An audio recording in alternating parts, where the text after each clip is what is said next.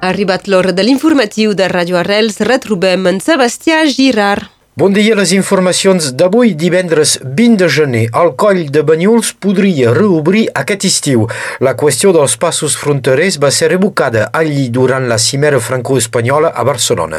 El ministre francès d'Interior, Gérald Darmanin, va declarar que els passatges actualment tancats podrien ser reoberts a la condició que es posin en plaça brigades de control mixt entre policies francesos i espanyols. Recordem que, a més del coll de Banyuls, Vuit altres passos fronterers són tancats des del gener del 2021 amb el motiu de la lluita contra el tràfic i la immigració clandestina. El rectorat anuncia que vuit llocs de professors de les escoles seran creats al curs vinent a Catalunya Nord. És molt insuficient, segons els sindicats d'ensenyants, per qui manquen 25 llocs de mestres. El proper mapa escolar serà anunciat aquest mes de febrer després d'una reunió on se decidirà els tancaments i les obertures de classes. Per bé que se preveu una lleugera disminució del nombre d'alumnes, els sindicats insisteixen que manquen professors. A Puigcerdà, dues novetats a l'Hospital de Cerdanya. Un canvi de director, Vincent Rouvet es jubila i serà reemplaçat pel seu adjunt, el doctor Xavier Conill, i l'eixamplament de l'oferta amb la inauguració aquest hivern d'un nou servei de quimioteràpia. L'Hospital de Puigcerdà també ha anunciat un acord de partenariat amb l'establiment La Perla Cerdana, cosa que permet d'assegurar el servei de pediatria a la comarca. A Baixàs, el celler cooperatiu d'Ombrial celebra el centenari. Era el gener del 1923, un centenar de vinyeters s'aplegaven per formar un col·lectiu que ràpidament esdevindria el primer celler cooperatiu de Catalunya Nord. Avui, d'Ombrial agrupa 200 viticultors que treballen 1.700 hectàrees hectàrees al terme de Baixàs i més enllà.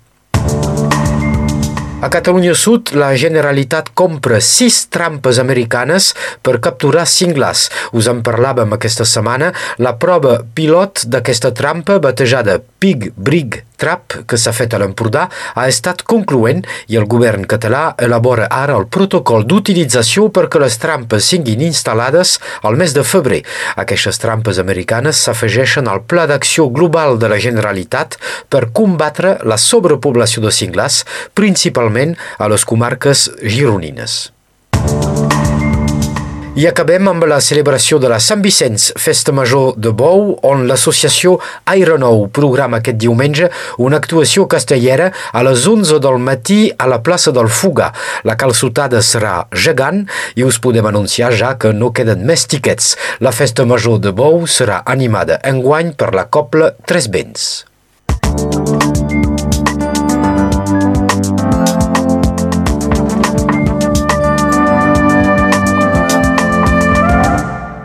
Moltes gràcies, Sebastià. Passem ara a la previsió del temps amb Meritxell Cristòfol.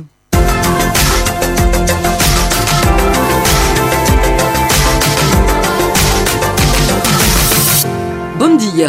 El vent bufa molt fort avui. Es preveu ràfegues màximes de 85 km per hora a la costa i fins a 60 km per hora al Conflent. Aquesta tarda la presència del vent hauria de fer fugir els núvols a la plana del Rosselló.